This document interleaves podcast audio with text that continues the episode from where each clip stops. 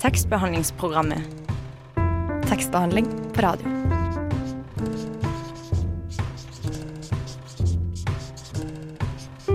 Tekstbehandlingsprogrammet.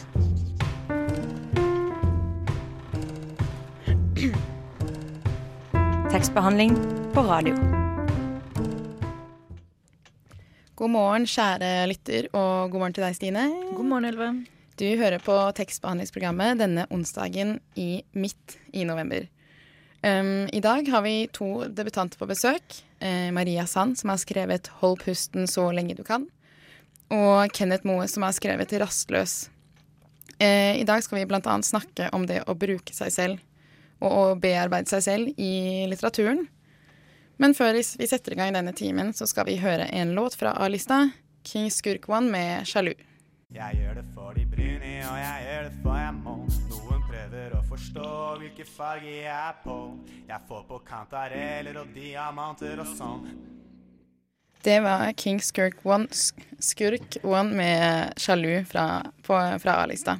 Du hører på tekstbehandlingsprogrammet eh, på Radio Nova. Og vi sitter her med debutant Maria Sand, som har skrevet boken 'Hold pusten så lenge du kan'. Kanskje du kunne begynt med å fortelle oss litt om eh, hva denne boken handler om, Maria? Ja, den eh, boken handler om eh, Alva. eh, som er eh, en, først et barn, og så en tenåring, og så en ung dame, og så en litt mer voksen dame. Altså det er firedelt. Eh, Det handler først og fremst om å eh, finne plass og ta plass og miste noe, kanskje, og lete etter det man mista. Um, og bety noe for noen. Ja. Så det er jo den, det er liksom en søken etter noe Noe som mangler, da. Veldig. Jeg vet ikke om Alva helt vet akkurat hva det er som mangler, men det er liksom helt klart at det er noe som hele tiden mangler. Uh, som hun leter etter, da, helt fra hun er barn. Så skjer det noe når hun er liten. Hun mister en venn hun, som også er barn. altså Hun opplever døden ganske tidlig, så det kan også ha noe med saken å gjøre. Men jeg tror i utgangspunktet hun er et menneske som liksom kjenner på en, et tomrom eller en tomhet, da, som hun på en måte mer og mer desperat ettersom livet går, prøver å fylle, da. Ja, I et intervju med Aftenposten så sa du at eh, du, det du skriver om er veldig personlig. På hvilken måte har du på en måte skrevet deg sjøl inn i denne boka? Eh, ja, det det er veldig personlig, fordi det, jeg snakker jo om ting jeg kjenner på selv som menneske. Det betyr ikke at um, akkurat de situasjonene i boka er mine situasjoner eller ting jeg har gjort eller opplevd eller sagt, men jeg bruker jo noe som kommer fra meg sjøl, liksom. Det, det kommer jo fra en eller annen, et behov eller en en emosjon eller en reaksjon jeg har hatt, som jeg på en måte har prøvd å gitt en slags kropp til da, gjennom en, kanskje en ny situasjon eller en situasjon jeg har opplevd selv. Men øh, om den øh, enkeltstående situasjonen er selvopplevd eller ikke, er liksom kanskje ikke så viktig. Men for meg er liksom det stoffet sant, da, fordi det kommer fra et sted som er øh, opplevd på en eller annen måte for meg. Men uh, vi, vi snakket jo sammen litt tidligere, og da var det fortalt som en sånn hendelse eller en idé som på en måte satte i gang denne, denne historien. Eh, hva var det? Ja, altså egentlig så var det jo dette her med de endene som uh, Er det det du tenker på? Ja. Eh, nei, jeg var veldig For det første var jeg veldig opptatt av ender, og er veldig opptatt av ender. Helt fra jeg var barn har jeg vært veldig mye i parker og gitt dem brødsmuler, og det var en sånn ting som jeg gjorde med moren min da jeg var liten. Eh, så det er et sånt naturlig sted for meg å begynne, for det representerer en sånn eh, en slags trygghet, da. Eller noe som er veldig sånn eh, hjemlig og nært og fint. Men så en dag, jeg husker ikke en eller annen gang når jeg ikke var så veldig gammel, men kanskje litt mer enn et barn, så tenkte jeg over det at eh, hvor blir det av endene når de dør? Fordi jeg har aldri sett en død and. Altså jeg har sett innmari mange døde fugler. Det ligger jo døde fugler overalt. Men jeg har aldri sett en, en and som er død. Så jeg lurte på hvor de Om de bare synker, liksom. Er de, er de der nede? Ligger det et sånt teppe av kadavere på bunnen av eh, Men hvordan på en måte satt de i gang historien om, eh, om Alva? Nei, altså det var jo min nysgjerrighet da, som jeg skrev inn, og da var jeg et barn når jeg skrev det inn på en eller annen måte. Det handler om ståsted eh, for meg, da, når jeg skriver. Jeg går liksom inn i en situasjon, og det kan være en bitte liten ting, en følelse, en nysgjerrighet, et ord. En, eh, en tanke som kan sette meg inn i en situasjon, og så står jeg plutselig i den situasjonen. Eh, og så ser jeg på en måte rundt meg hva som skjer, og så ser jeg kanskje at det står en ved siden av meg. Hun er kanskje like gammel som meg. Vi står oss ned på de endene sammen. Og, eh, og så begynner den situasjonen å oppstå, og den situasjonen, det med de endene og den derre blandede følelsen av at dette er fint og romantisk og nostalgisk med de fine, fine endene der nede, og de ekle, råtne endene der nede som kanskje ligger der og er ja, at det er guffent. da. Den kombinasjonen satte i gang en slags prosess, og så ble det til en situasjon som kanskje var den første situasjonen jeg skrev i boka, da. Mm. Det, er by, det, er vel ikke helt begynnelsen av boka, men det var det første jeg tror jeg skrev. Så jeg skjønte at å, her er det et eller annet Hun her vil jeg vite noe mer om. Jeg må undersøke da, hvem hun er, Alva, som står der. Mm. Men um, den boken, boken din består jo av fire deler uh, før etter så og nå. Um, og den første og siste delen av boka er jo skrevet i, i jeg-form, uh, men ikke de andre. Uh, kan du, eller hvorfor, hvorfor det? Ja, altså Først så begynte jeg med jeg-form fordi barnet er liksom uh, sånn veldig subjektivt, tenker jeg. Når jeg er, er barnet, holdt jeg på å si. Jeg er jo på en måte barnet når jeg sitter og skriver barnet. Så ser jeg på Da er man mye mindre, ikke sant, i størrelse, man ser ut, og alt er på en måte gjennom et, et slags jeg og en opplevelse av at uh, Ja, det er veldig det der, det der, utenfor, og så er det jeg som opplever alt. Mens når man uh, Når jeg skulle skrive den neste delen, som heter Etter, mm. så um, så er hun 14 år, og da eh, I hvert fall sånn som jeg hadde det når jeg var 14 år, så sto jeg ganske Det føltes hele tiden som om jeg sto utafor meg sjøl, på en måte. Altså i Man ser på seg selv hele tiden. Man dømmer seg selv litt. Man forteller du må gjøre det, du må ikke gjøre det, du er dust hvis du gjør det. Eh, du er kul hvis du gjør det. Eh, vet ikke om du tør det, Alva, å gjøre det. Altså Man utfordrer seg selv ganske mye, og man dømmer seg selv, og man ser på seg selv mye i speilet, på kroppen sin og ansiktet sitt og sånn. Så da var det naturlig å bruke en du-form. Jeg fikk en slags motor på det, da. For jeg begynte med det, så jeg begynte bare liksom Alva som snakker til Alva. Eh, fordi det har en såpass sånn eh, ja, ganske sånn driv da, som jeg føler i du-formen, som, som, er ganske sånn Det går ganske fort unna, og det føler jeg altså tankene til en sånn tenåring går ganske sånn Det er litt sånn frenetisk, eller går ganske kjapt. Mm. Um, og så um, den voksendelen når hun finner mannen sin, i hvert fall som hun skal være sammen med ganske lenge, som hun gifter seg med. Og man skal lage familie, og man skal lage hjem, og man skal finne ut hvem man er i verden, man skal finne jobb og sånne ting. Så syns jeg det var morsomt å trekke det helt ut, og så se på alt utenfra i en i en tredjeperson, da. Altså hun står der, og de står der sammen, og at liksom det blir en sånn total En, en total på det, da. Mm. Eh, å snakke om dem og snakke om hennes verden fordi man trekker liksom linsen litt lenger ut.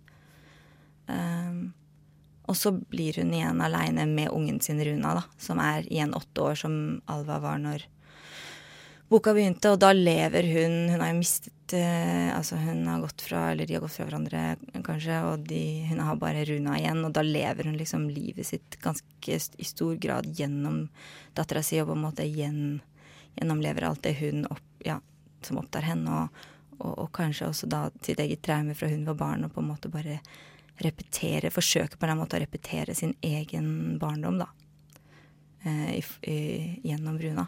Så da går, da går jeg på en måte tilbake til jeg-formen igjen, for da er, hun liksom barn igjen. på en måte, Hun har kommet til et slags nullpunkt. Mm. Vi skal snakke mer med deg, Maria Sand, men først skal vi høre en låt av Nao, 'Bad Blood'.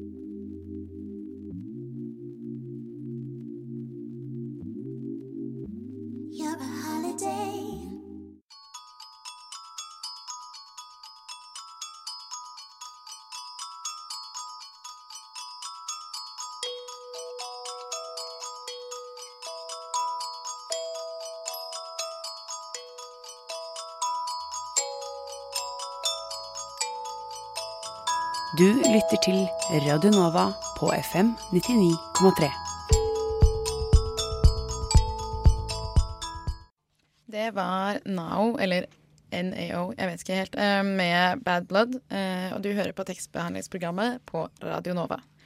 Eh, Maria Sand sitter fortsatt her i studio med oss, og hun har debutert med boken 'Hold pusten så lenge du kan'. Og før vi snakker litt mer med deg, så hadde det jo vært fint hvis du kunne lest litt eh, for oss, så vi får et litt sånn inntrykk av boken din. Ja. Det, um, kan lese litt fra den del nummer tre, som heter Så.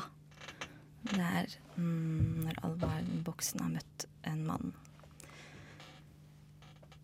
Martin sover fremdeles, med beina krøllet opp under seg som en stor klump under dyna. Han har på seg T-trøya fra i går. Han tar ikke av seg T-trøya lenger når han legger seg. Alva tar av seg nattkjolen, den er klam og klistrer seg til kroppen. Hun går naken inn på kjøkkenet. Gulvplanken, gulvplanken er kald under føttene.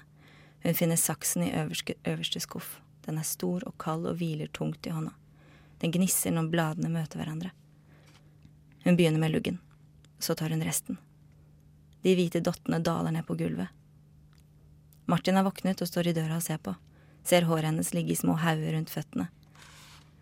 Hun spør om han liker det, eller om hun kanskje ser ut som en gutt. Han sier at hun ser litt ut som en gutt. En søt liten gutt med fregner og stor mage. Han drar fingrene gjennom de korte tustene og smiler, og så tar han en kost og feier opp håret fra gulvet og kaster det i peisen. Flammene blusser opp igjen, og en eim av brent hår siger ut til dem der de står og ser på hverandre. Barbeint, kalde føtter på kaldt gulv. Alva brekker seg. Hun holder én hånd foran munnen og en på magen. For den lukten, den forsvinner ikke. Den legger seg død rundt om i rommet. Lukten av det som har levd, som bare flyter ut, råtner og blir liggende igjen som noe annet.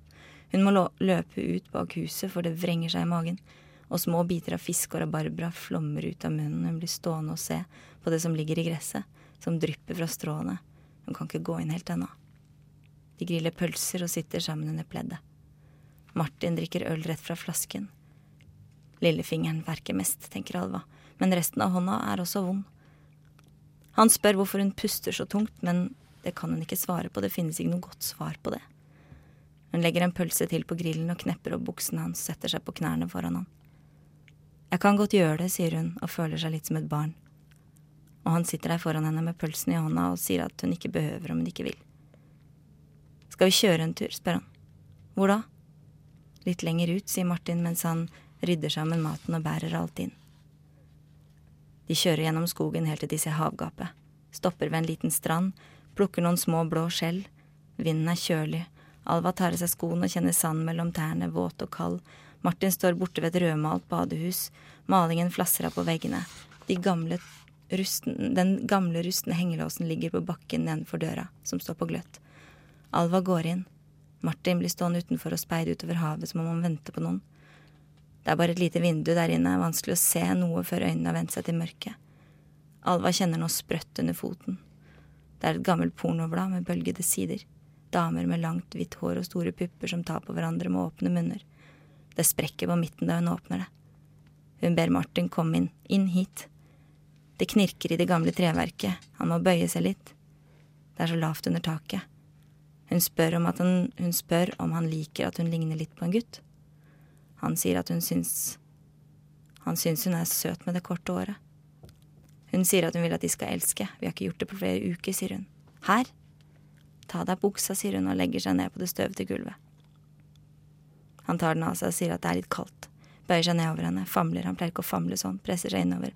Alva ser på lyset som kommer inn gjennom det lille vinduet. Glasset er knust i den ene ruten, og noen glasskår ligger der borte i hjørnet på gulvet. Hun lurer på hvem som har stått her før henne med pikken i den ene hånda og pornobladet i det andre. Hun forsøker å fokusere på damene med åpen munn, på rød leppestift og spisse negler, men han kommer ingen vei, han er… Han klarer sikkert ikke å konsentrere seg. Kanskje det er for kaldt, det er jo vanskeligere for menn når det er så kaldt, eller så kanskje er det magen, tenker hun at den buler sånn ut, hun får jo ikke på seg noen av de gamle klærne, eller, eller så er det håret, at hun liksom er en gutt nå. Det blir sikkert feil for han, han liker jo ikke gutter på den måten. Martin legger seg ned ved siden av henne. Stemmen hans får en slags dempet klang her inne. Han spør om de skal droppe det. Alva setter seg opp. Viser ham pornobladet. Peker på jentene. Se, sier hun og stryker på papiret.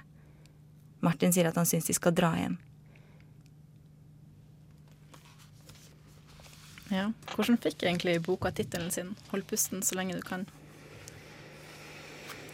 Ehm, den fikk det etter at jeg hadde skrevet den.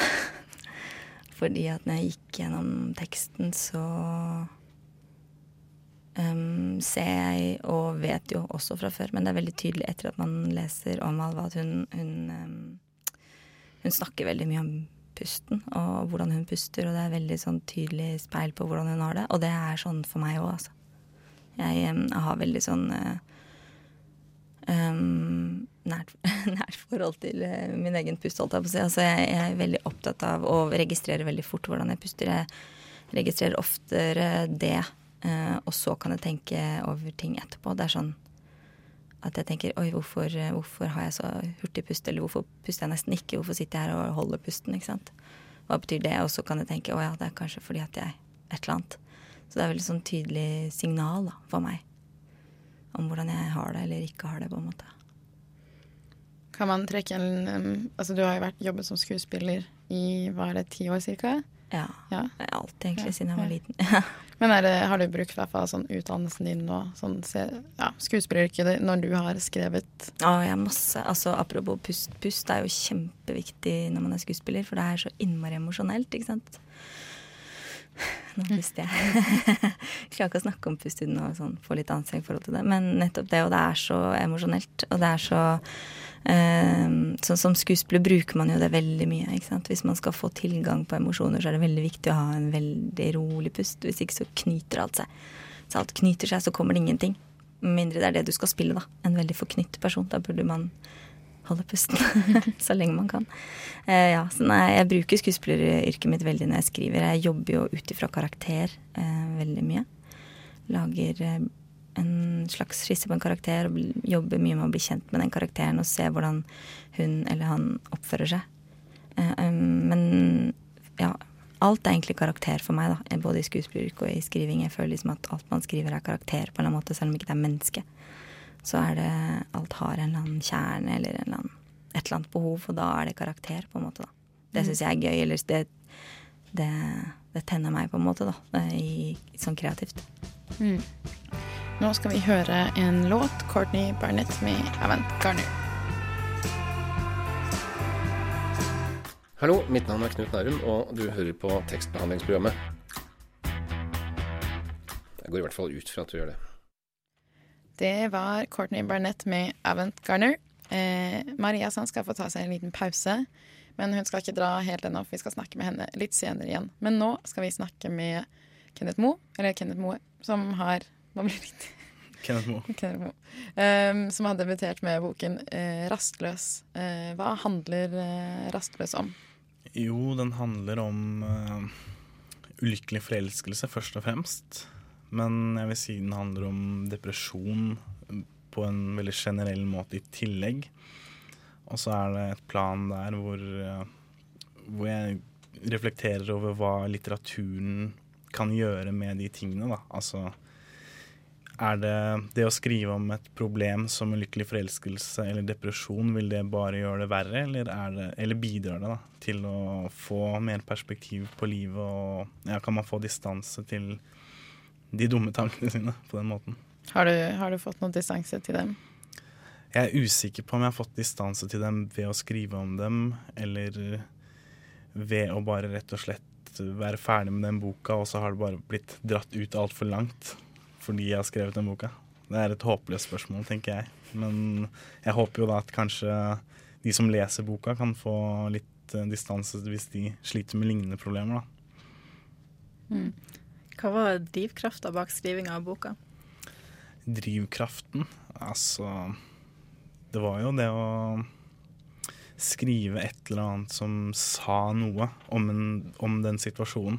Og liksom komme inn til kjernen av noe. noe. Eh, det er veldig lite plott, veldig lite story i den boka. Jeg er veldig opptatt av å skrive på en måte som går rett dit det brenner med, i forhold til tanker og følelser og ja. uh, Istedenfor å gå rundt grøten, så bare prøver jeg å tolke, tolke livet og tilværelsen så direkte som mulig, da.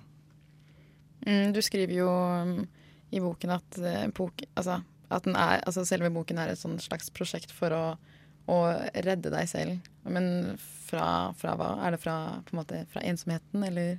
Ja, fra ensomheten, fra depresjonen, men også fra den spesifikke ulykkelige forelskelsen, forelskelsen som jeg beskriver. Altså, men jeg mener, det er jo ikke nødvendigvis så smalt heller. Det er jo mm. Altså, redde seg selv fra Altså, livet er jo Holdt på å si en jammerdal på veldig mange måter, og for alle på ett nivå. Mm. Så ja. Mm. Det blir kanskje litt det samme som i sted, men måte, tenker du på en måte om boken har reddet deg på noen måter? Altså, den har reddet meg fordi jeg nå faktisk i dag endelig har fått uh, penger for boka. så sånn sett så har den uh, reddet meg veldig sånn uh, på et kynisk økonomisk plan akkurat nå. Mm om boka har redda meg, om den har gitt meg det perspektivet jeg hele tiden skulle ønske at jeg hadde eller prøvde å nå, det er jeg ikke helt sikker på. Men jeg tror at den Altså, jeg ser jo den boka ikke som en bok i seg selv, jeg ser den som del av et større prosjekt da, om å forstå meg selv. Og, så den boka i isolasjon er mm. selvfølgelig ikke svaret på alt. Nei. Jeg håper eh, når jeg er 80 år gammel at jeg kan se tilbake og ha skrevet veldig mange bøker som ja, som setter hele det livet i perspektiv og ja, på mm. forskjellige måter og fra forskjellige vinkler. Mm. Eh, og hovedkarakteren i boken heter jo det samme som deg, Kenneth Moe. Ja, ja, jeg nevner aldri navnet, Nei. men uh, hvis man googler navnet ja. og de referansene jeg kom, sånn jeg beskriver det navnet, så vil man forstå at det er samme, ja. Mm. Ja, jeg googlet jo litt, og det var noe av det første som står, er jo om han ene som har blitt arrestert så mange ganger, og at han smilte og lo sist gang han ble satt i fengsel. Ja, min navnebror Kenneth Moe, som har fått uh, norgeshistoriens største narkotikadom. men det er jo ikke han boken handler om. Men, Nei, ikke denne. Kanskje en senere bok. Kanskje en senere bok. Men uh, altså, ja, karakteren har i hvert fall samme navn som deg. Uh, ja. og, men på hvilken måte har du på en måte skrevet deg inn i den historien du forteller? Jeg føler ikke at jeg har skrevet meg inn helt på den måten. Jeg, jeg, mer, jeg, kan heller hoppe tilbake til da jeg prøvde å skrive fiksjon. Og så ble jeg utsatt for den her, eller jeg, kom, jeg opplevde den her uh, ulykkelige forelskelsen som jeg beskriver i boka, og jeg klarte ikke fortsette med det fiktive prosjektet. Nei. Alt jeg klarte, var å skrive sånne korte skjerp deg-setninger som liksom Hvordan skal jeg deale med det her? Mm. Og det var da jeg innså at eh, nei, bare gi faen i det der uh, fiksjonsprosjektet og bare prøve å gjøre det her. Mm. Jeg har, så jeg har ikke skrevet meg selv inn i det så mye som at det var meg hele tiden. Ja. Jeg leste et sted at du fikk ideen til boka. Da var jeg en kvinne som spurte deg om du skrev om henne, og at du svarte ja. Uh, vet du hva hun syns om boka? Ja, altså den relasjonen er mye mer komplisert enn jeg beskriver den i boka. I boka er veldig bevisst en bitter og sint bok på mange måter. Mens den virkelige, virkelige relasjonen er, ja, den er mer kompleks, og den er mer eh, Det er mye mer forståelse mellom oss. Vi har hatt mye mer kommunikasjon enn det som fremgår av boka. Hun har lest boka. Uh, hun skriver selv, så hun ville aldri funnet på å nekte meg å gi ut noe. Det er bare sånn moral mellom forfattere, nesten. Men jeg tror også hun liker den oppriktig. Og, men ja, utover det så vil jeg ikke snakke så mye om henne, da, fordi jeg er redd for å bare slippe opp og komme med en eller annen uh, identifiserende detalj. Fordi jeg er ikke interessert i å utlevere henne, og det er ikke viktig for boka i det hele tatt. Nei. Uh, vi skal snakke mer med Kenneth, men først skal vi høre en, enda en låt fra A-lista. Uh, Neon Indian med The Glitzy Hive.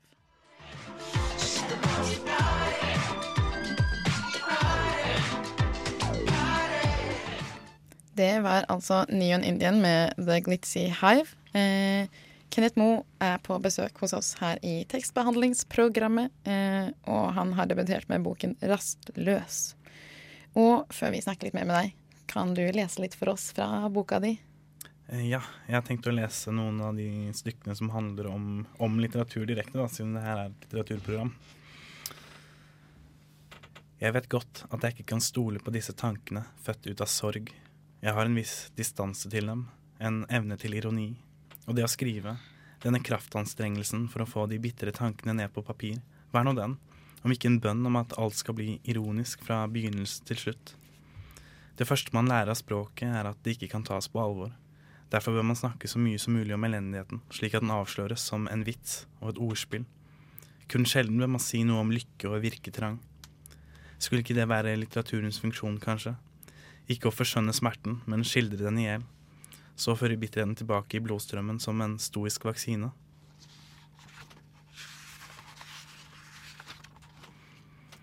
Det sømmer seg ikke for voksne mennesker å lese eller ha med bøker å gjøre, annet enn om man er syk på en eller annen måte. Men er man ikke alltid syk på en eller annen måte? Hva om litteratur er både symptom og medisin om hverandre? Hva om det skifter så umerkelig mellom de to at man tror det er det ene når det egentlig er det andre? Fortsett.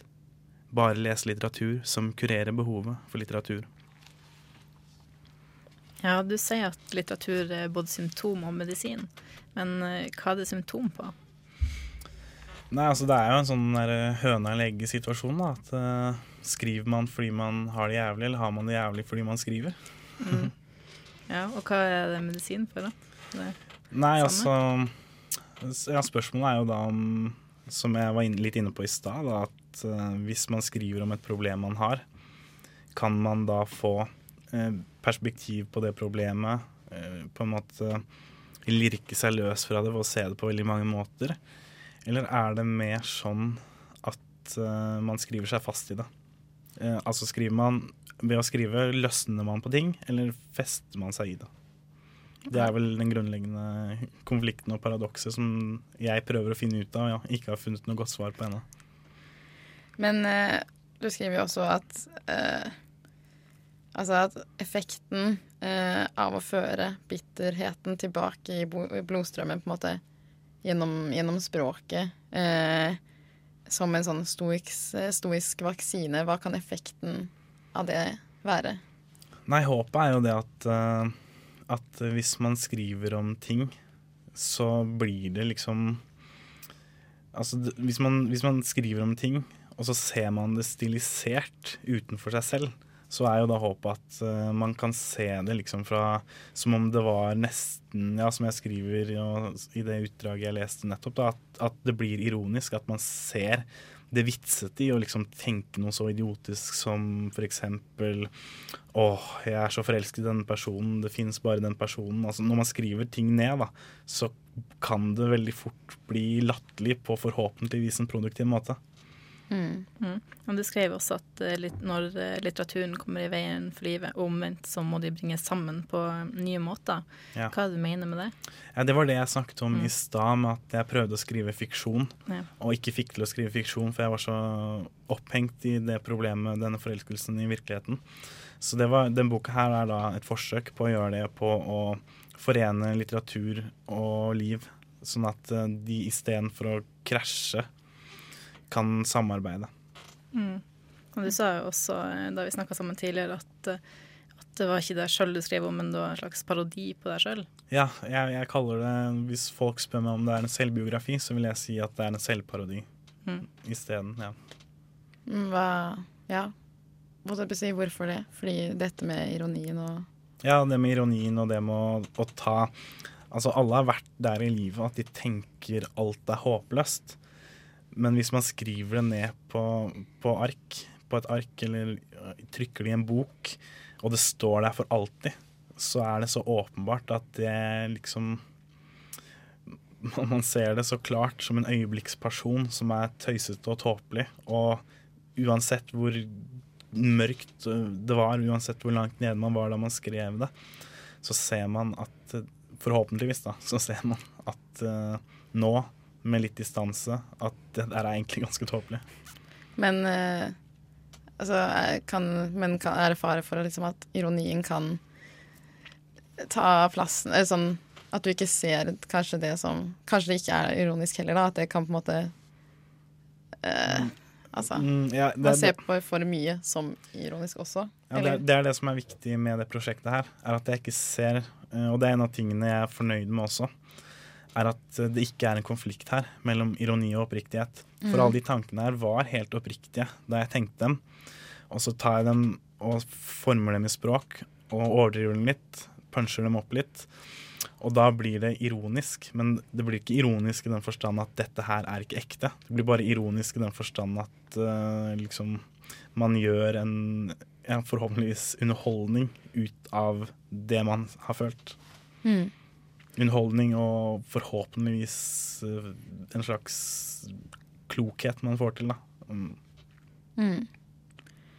Um, tidligere i vår så snakket vi med forfatter uh, Eline Lund Fjæren. Uh, og da sa hun at hun var litt lei av det å bli spurt om det var henne selv hun skrev om i hennes andre bok, 'Klokken og sengen'. Uh, og vi skal ta et lite gjenhør med dette, for vi skal snakke med både Maria, Maria Sand og Kenneth Moe om, litt om dette temaet. Skjønnlitteratur som blir gitt ut med en sånn viss privat eller personlig karakter. Det blir man Det virker som det er en sånn refleks at man liksom skal spørre en gang Ja, hvilken rot? Hvor, hvor mye har dette rot i virkeligheten, og sånn? Mm.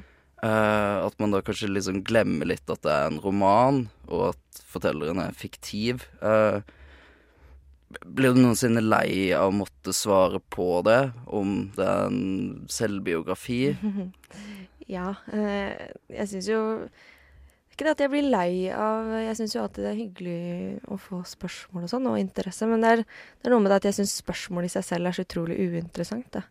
Det er Jeg syns Altså det, det, blir aldri noe én-til-én-forhold mellom, mellom, litteratur og virkelighet. Da. Og det er det uansett om du heter Knausgård og skriver Min kamp, så er det Det er fortsatt litteratur, da. Um, med en gang du skriver noe ned, så er det jo ikke lenger virkelighet. Da er det litteratur. Og um, jeg kunne ønske at man kunne forholde seg til det, da. Um, og så er det jo selvfølgelig, tar man utgangspunkt i mye av sitt eget uh, sitt eget liv og sitt eget følelsesregister, fordi hva annet skulle det være? Altså, man kan ikke skrive Altså, skulle man tatt utgangspunkt i noe annet, så ville det jo blitt eh, eksotisk litteratur, og det tror jeg ingen har lyst på, for å si det sånn. Så um, ja. Det er uh, Men det tror jeg liksom er noe som egentlig alle skjønner, og derfor så forstår jeg ikke helt uh, um, den her uh, evige lysten til å grave i sånne ting, da. Mm. Men er det ikke fristende å i hvert fall flytte hovedkarakteren til en annen by enn den du bor i, for å liksom slippe unna det mest åpenbare? Jo, altså jeg gjør det jo vanskelig for meg selv. Jeg hater jo det der Sånn som mine egne foreldre leser jo alt veldig bokstavelig. Tror det er meg, og tror det er dem, hvis jeg skriver om dem. Uh, så det har jeg tenkt på at jeg kunne valgt et annet sted, men problemet mitt er at det er rent praktisk at jeg har aldri reist. Jeg, har, jeg, kjenner ingen andre byer enn Bergen.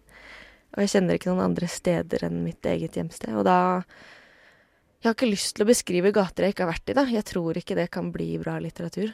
Um, så jeg, jeg forstår jo hvorfor man spør. Det gjør jeg.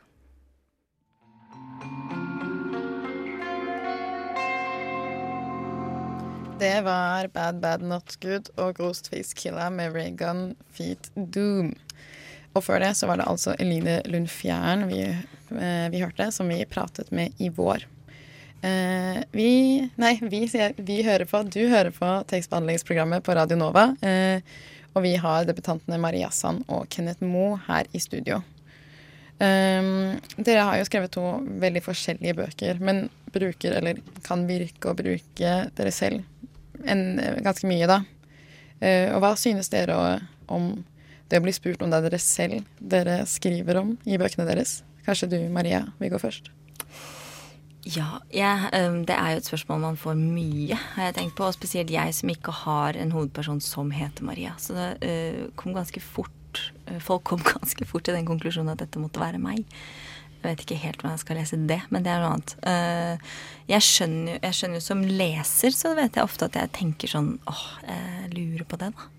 Det er jo ganske sånn Det er naturlig å lure på sånt. Lov, jeg tenker at det er lov å lure på sånt. Det er veldig menneskelig å lure på hvem som er personen bak uh, verket, og hvor mye i verket som er den personen, hva som er verk, hva som er person.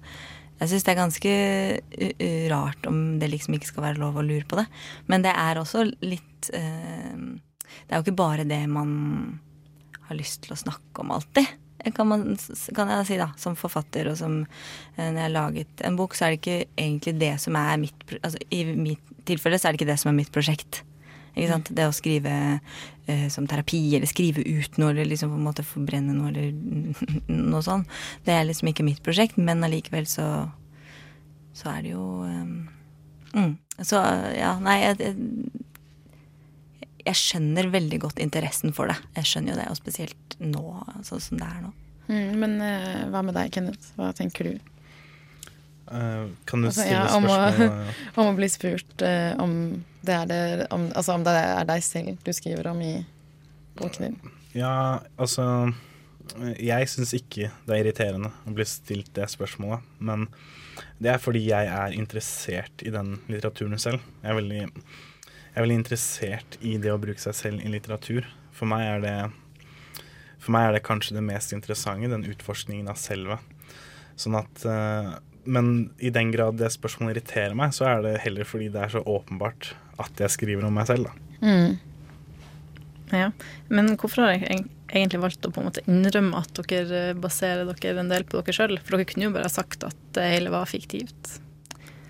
Um, ja, jeg um, tenker at sånn som jeg ser det, sånn som jeg jobber, så tenker jeg alt er sant, på en måte. Fordi det kommer gjennom et personlig filter, på en måte. Så om ikke det har skjedd Altså det er forskjell på om det har faktisk skjedd. Men, men alt er jo på en måte sant, i hvert fall sånn som jeg jobber, og sånn som ja, eh, så er det jo Det er jo mine egne reaksjoner, og jeg som sitter og har produsert materiale, det kommer jo fra et ærlig og ekte sted, da. Så sånn sett er det jo sant. Hva det deg, Kenneth? For min del så er det veldig viktig å si, fordi jeg mener Av flere grunner. Eh, kanskje først og fremst fordi den selvbiografiske litteraturen blir kritisert på så kjedelige måter. Eh, det her med at bøker kritiseres fordi de er forfatterens terapi. Herregud, er ikke det interessant å, å se forfatterens terapi? Eh, altså, jeg er veldig stor fan av boka 'Reality Hunger' av David Shields, som utforsker de her spørsmålene om, om bruk av en selv litteratur. Han har et veldig godt sitat i den boka om at den yndlingslitteraturen hans handler Der er plott og karakterskildringer og alt det her er veldig klassisk. Den klassiske romanen, Alt, alt det dramaet, det er bare borte. Det er erstattet med en aktiv bevissthet som prøver å finne ut av hvordan han eller hun har løst det her med å leve.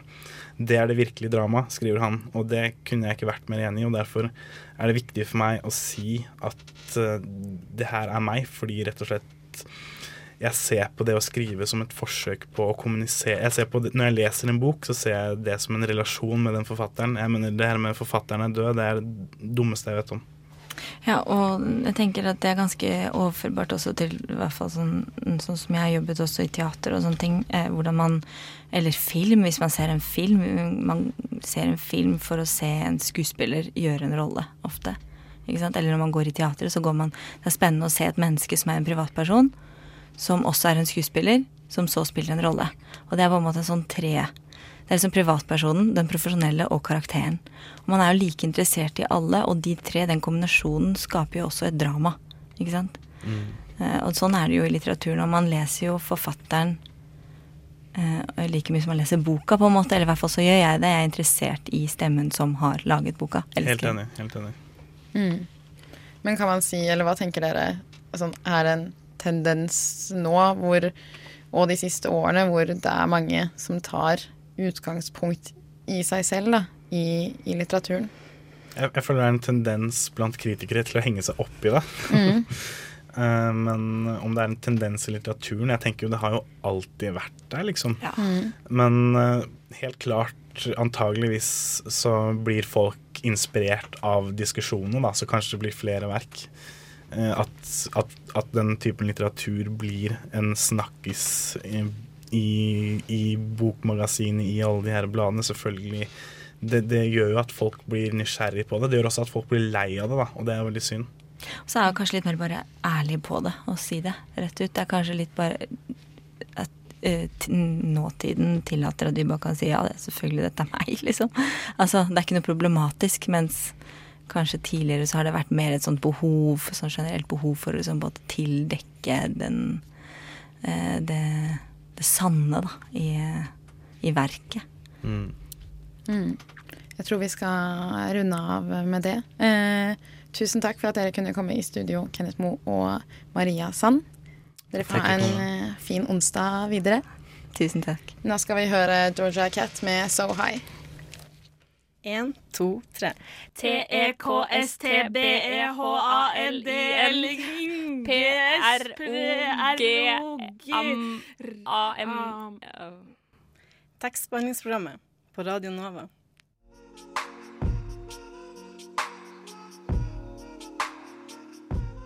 Det var Doja Cat med So High.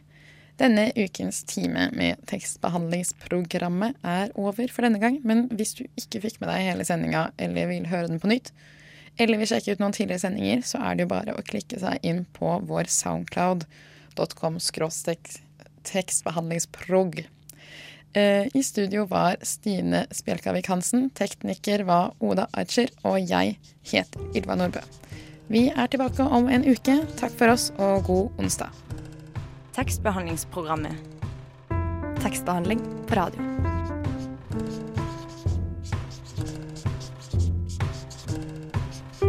Tekstbehandlingsprogrammet.